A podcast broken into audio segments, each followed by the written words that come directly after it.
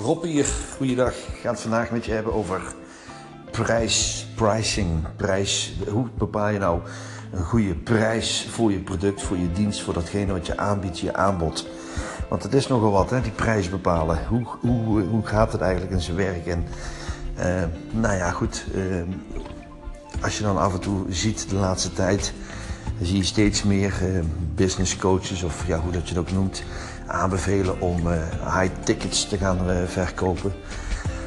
Maar ik geloof niet zozeer dat het per se gaat om de, om de hoogste prijs. Ik, ik ben veel meer van mening dat het gaat niet over high ticket, maar het gaat over high value. Oftewel best value zelfs.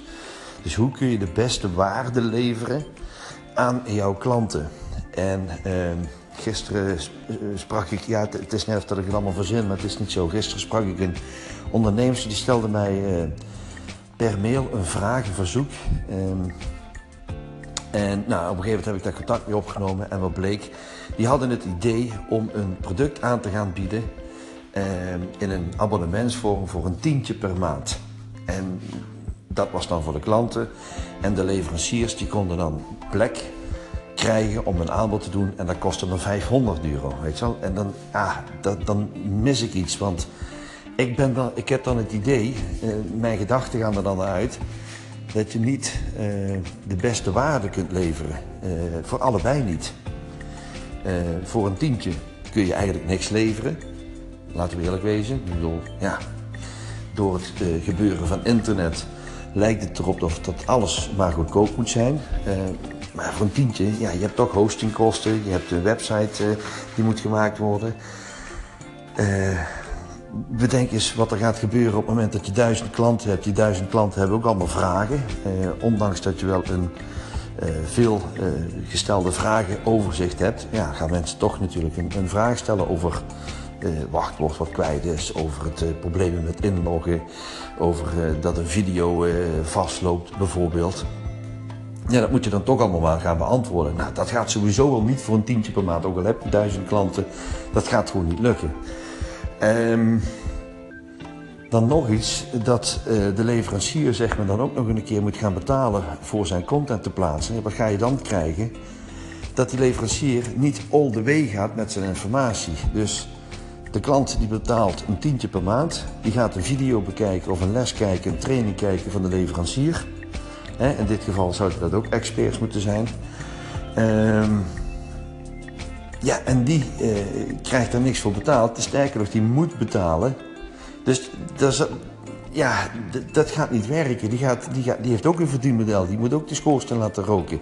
Dus je gaat informatie geven wat niet compleet is. Dus wat ga je krijgen? Aan twee kanten wil je verdienen en twee kanten ben je niet aan het dienen. En dan heb ik ook aangegeven, ja, volgens mij kun je veel beter de prijs nog omhoog zetten per maand. Je krijgt veel betere en leukere klanten. Maar dat niet in één, je kunt ook veel meer betekenen. Want mensen die dan geld betalen, die verwachten ook iets. Nou, terecht. Trouwens, die mensen van een tientje per maand, die verwachten ook iets. Dus ja, Um, je kunt veel beter die prijzen omhoog zetten, zodat je veel betere kwaliteit kunt gaan bieden. En je kunt die mensen die dan de content gaan plaatsen ook gaan betalen. In plaats van dat je geld van hen wilt krijgen, ga je ze betalen.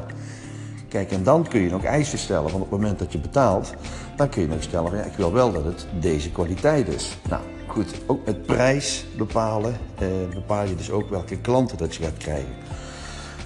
Um, wat ik vaak zie uh, is dat uh, ondernemers, hè, dus de trainer, de coach, de consultant, de adviseur, te vaak uh, lage prijzen gaan, gaan, vragen op het moment dat het gaat over online aanwezigheid. Dus een online cursus is dan vaak heel laag geprijsd. Waar het vandaan komt, weet ik niet. Ik heb het zelfs gezien in Amerika voor 7 dollar, voor 9 dollar. trainingen die echt ja, best wel waardevol zijn. En dan denk je van, ja, maar hoe kun je hier nu daadwerkelijk uh, all the way gaan? Want dat is dus niet. Ik, ik, dat zijn dus van, van die goedkope producten. Ja, en je hebt toch altijd sowieso het gevoel dat je iets mist. Want uh, je krijgt nooit 100% natuurlijk uh, voor, voor, voor 9 dollar. Wat ze daarmee doen, en dat is de achterliggende gedachte is dat ze heel snel een lijst opbouwen. Nou, als dat, dat de insteek is, dan zou je kunnen zeggen van nou, dat is op zich prima. Omdat dan, dan dus als je het gebruikt voor het opbouwen van een lijst, dan kan ik het nog wel begrijpen. Ehm, dus dat zie je ook heel vaak en dat noemen ze dan een self-liquidating offer, een SLO. Ehm, dat ze daarmee de advertentiekosten terugkrijgen. Dus uh, je, je hebt koud verkeer, bijvoorbeeld op Facebook, en je adverteert daarvoor. En ehm, die mensen die geven je dan bijvoorbeeld uh, toegang tot een webinar. Nou, die schrijven zich in op een webinar. Nou, voordat dat webinar gaat starten, doe je ze al een aanbod met een heel laag geprijsd bedrag. Uh, een cursus die aansluitend is op het onderwerp natuurlijk, hè, want het slaat nergens op als dat je een onderwerp of een uh, cursus gaat aanbieden die totaal ergens anders over gaat, want dan brengen de mensen alleen nog in verwarring. Dus een aansluitend aanbod. En dat doe je dan voor, ja, zeg maar een paar tientjes. Um, maar ook daarmee moet je dus al kwaliteit leveren. Ook daarvoor, voor dat geld, verwachten de mensen al iets. Maar nog het allerergste vind ik, um, je positioneert je daar ook mee. Dus uh, ik, ik vind het zelfs, ja, afbreuk doen. Uh, ik krijg altijd wel daar een, een beetje gemengde gevoelens over. Je bent bezig met het opbouwen van een merk. Je wilt leuke, goede klanten wil je hebben. Je wilt eh, de waardering hebben van je klant en je wilt ook die waardering terugzien in, in de inkomsten. En dan zou je met een productje gaan werken van een paar tientjes om je advertentiekosten zeg maar nul te krijgen. Ik zou dan denken, ga dan gewoon uh, sterker kijken naar je adverteren. En, en ga kijken naar je doelgroep. Uh, en en wees dan ook bereid om te betalen om die doelgroep op je lijst te krijgen.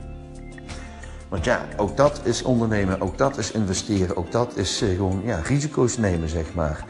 Want als jij vertegenwoordiger bent en je gaat een gesprek aan met de mensen, zeg maar, met, met, je klanten, ja, dan is ook niet elke klant geschikt. En dat hoort er gewoon bij. En door ze dan alleen maar je goedkoopste product aan te bieden, ja, lijkt het erop of dat je alleen maar voor goedkope producten. Dus ja, en waarom zou ik in eerste instantie 50 euro betalen bijvoorbeeld voor een goedkoop product?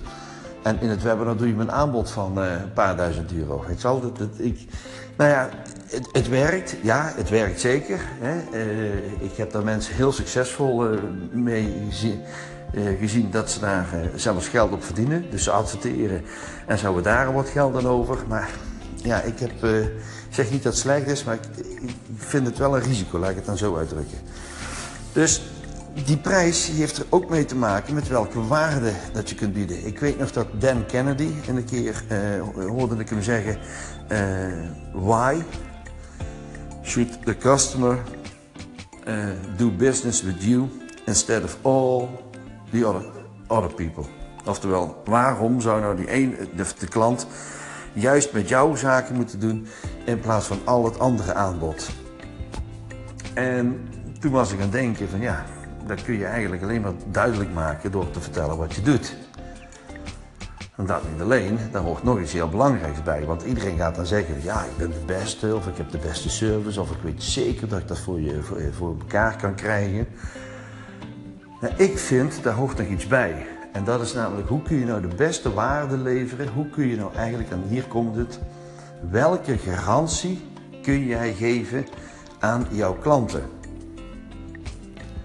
En als dat je daar eens goed over nadenkt, dan gebeurt er iets heel bijzonders. Want ja, garantie, oh wauw, shit, moet ik garantie geven? Ja, maar dat zou wel heel sterk zijn als jij garantie geeft. Als jij garantie geeft, dan ben je ook overtuigd van je product. En eh, nou, dan weet je ook zeker dat het werkt. Let op, je kunt dan ook natuurlijk eisen stellen. Hè? Als uh, een, een, klant uh, bij jou uh, voor jouw aanbod kiest en jij geeft een garantie, dan is het niet zo dat die klant zeg maar uh, uh, achterover kan leunen en dat het aankomt waaien. Als jij een methode hebt om uh, gegarandeerd 8 kilo af te vallen in 8 weken, dan is het wel handig dat die klant voor jou natuurlijk zich ook houdt aan het voedingsschema en eventueel het sportschema wat je opmaakt. Gaat die klant dan van jou, ondanks dat, toch in het weekend helemaal los met uh, friet en flessen cola weet ik veel wat nog meer allemaal. Ja, dan gaat dat waarschijnlijk niet werken. Dan lukt het niet 8 kilo in 8 weken. Dus um, weet je, dat is, dit is maar een voorbeeld. Dus waar het om gaat is dat je best wel kritisch kunt zijn om te zeggen van... Ja, hoe kan ik me nou positioneren ook daarmee in een markt die misschien al heel druk Want als een markt heel druk is, dan wil het dus zeggen dat er sowieso al animo voor is. En dan is het eigenlijk heel gemakkelijk om ook eh, een stukje marktaandeel te krijgen. Dan is juist die garantie heel belangrijk om te noemen in je marketingboodschap. En op het moment dat je dat doet, ja goed, dan zul je ook een stukje van die marktaandeel krijgen. En dan kun je ook een goede prijs vragen. Dus um, het maken van een prijs is ontzettend belangrijk voor A, je positionering. En ook natuurlijk voor uh, de waarde die je kunt leveren. Dus het, het, het, het pakketje dat je er kunt geven. En daarmee kun je ook je promise kun je maken. Dus die belofte, die garantie kun je maken. En dat wordt heel vaak onderschat. Men, men denkt juist heel vaak van ja oké, als ik dan naar die klant toe moet, dan heb ik reistijden en dan zit ik daar te werken. Of ik heb dan, moet ik nog een offerte maken. En weet je wel, dan gaan ze op een gegeven moment allemaal een, rekensom maken. En dan kom je op een gegeven moment wel uit op een dienst of op een service van, ja, ik weet niet, eh, honderden, misschien duizenden euro's, misschien tienduizenden euro's. Um, maar op het moment dat het online uh, gaat gebeuren, dan gaan we in één keer uh, ons volledig devalueren, want dan mag het allemaal maar een paar tientjes kosten. En misschien is dat handig om daar eens goed over na te denken, want ja goed, wat doet dat met de perceptie natuurlijk van jouw aanbod als je dan later dus een, een, een aanbod doet van duizenden euro's. Samengevat komt het er in feite op neer dat ehm, in, in mijn VIP-dag doe ik dat dus met mijn klanten neem ik 8 P's neem ik door. En in die 8 P's komt dus ook daadwerkelijk de beste uh, positionering komt eruit. En zodat je dus uh, zonder concurrentie je buiten die, die, die markt zet, maar wel die markt aanspreekt. En dat je daardoor ook de logische keuze bent voor jouw markt. Ik heb het uh, deze week ook weer meegemaakt dat iemand mij via LinkedIn contact opneemt. En uh, nou, gewoon uh, wat vraagstukken heeft over zijn bedrijf en, en met zijn bedrijf bezig is en om dat op te bouwen. En die heeft me dan gevolgd, die heeft me dan gezien. En omdat ik juist heel veel praat en communiceer over uh, datgene waar ik voor sta, en dat is gewoon dat je gewaardeerd moet worden voor je diensten en dat je daar gewoon geld voor moet vragen, omdat je dan ook de beste service kunt verlenen. En waardoor dat de klanten ook gewoon de beste, het meeste resultaat gaan behalen neemt hij contact met me op en in een gesprek van, ik geloof drie kwartier tot een uur, wat helemaal niet een verkoopgesprek was, uh, komen we uit dat ik een aanbod doe en waarop hij meteen ja zegt. En aanstaande uh, week hebben we dus een VIP-dag uh, geregeld. En hij stapt daarna mee in om zich een aantal maanden te laten coachen volgens mijn 12-stappenplan. Waardoor dat hij sowieso met een plan gaat komen van 100.000 euro minimaal. Ja, dat heeft wel ermee te maken hoe dat ik me ook positioneer. Want op het moment dat ik dus mijn eigen 8 P's heb ingevuld. En je gaat daarmee de promotie doen, dus, dus de marketing en alles. Is dat ook gewoon heel duidelijk. en, dat is gewoon een hartstikke toffe vent, weet je wel. Die, die een heel leuk product, eh, of een dienst in dit geval, eh, heeft. En daar gaan we gewoon mee knallen. Dat, dat, dat weet ik nu al 100% zeker. En dat is ook juist wat ik jou wil aanraden. Van, ga er nu eens goed over nadenken. Hoe dat jij dat eh, dus voor elkaar kunt krijgen om in een goede markt de juiste mensen aan te bieden. Met de juiste service, met de juiste dienst, met, met de juiste uh, waarde. Dat je de meeste waarde kunt leveren aan jouw ideale klant. Want daar gaat het volgens mij om. Werk alsjeblieft met klanten die jou energie geven en niet energie kosten. Uh, wil je daar meer over weten? Doe dan hetzelfde als die, uh, die, die, ene man. Uh, neem contact met me op. Of nog beter, vul het formulier van de strategie-sessie, het gesprek, wat ik dan ga inplannen. Het is gewoon vrijblijvend. We gaan dan gewoon even kijken naar jouw bedrijf. Van, nou goed, hoe sta jij ervoor? Hoe kan ik je helpen? En dat doe ik je ook een aanbod. Weet je wel, als ik weet dat ik jou kan helpen, dan ga ik je altijd een aanbod doen. Want ik vind gewoon dat dat mijn plicht is om jou dan ook de keuze te geven. Als ik jou geen aanbod doe, dan heb je ook geen keuze om uh, te groeien. Dus, nou goed, dat gezegd hebbende. Rob van der Bonen, excellent ondernemen.nl. En uh, ik wens je in elk geval een hele fijne dag. En ik spreek je morgen weer.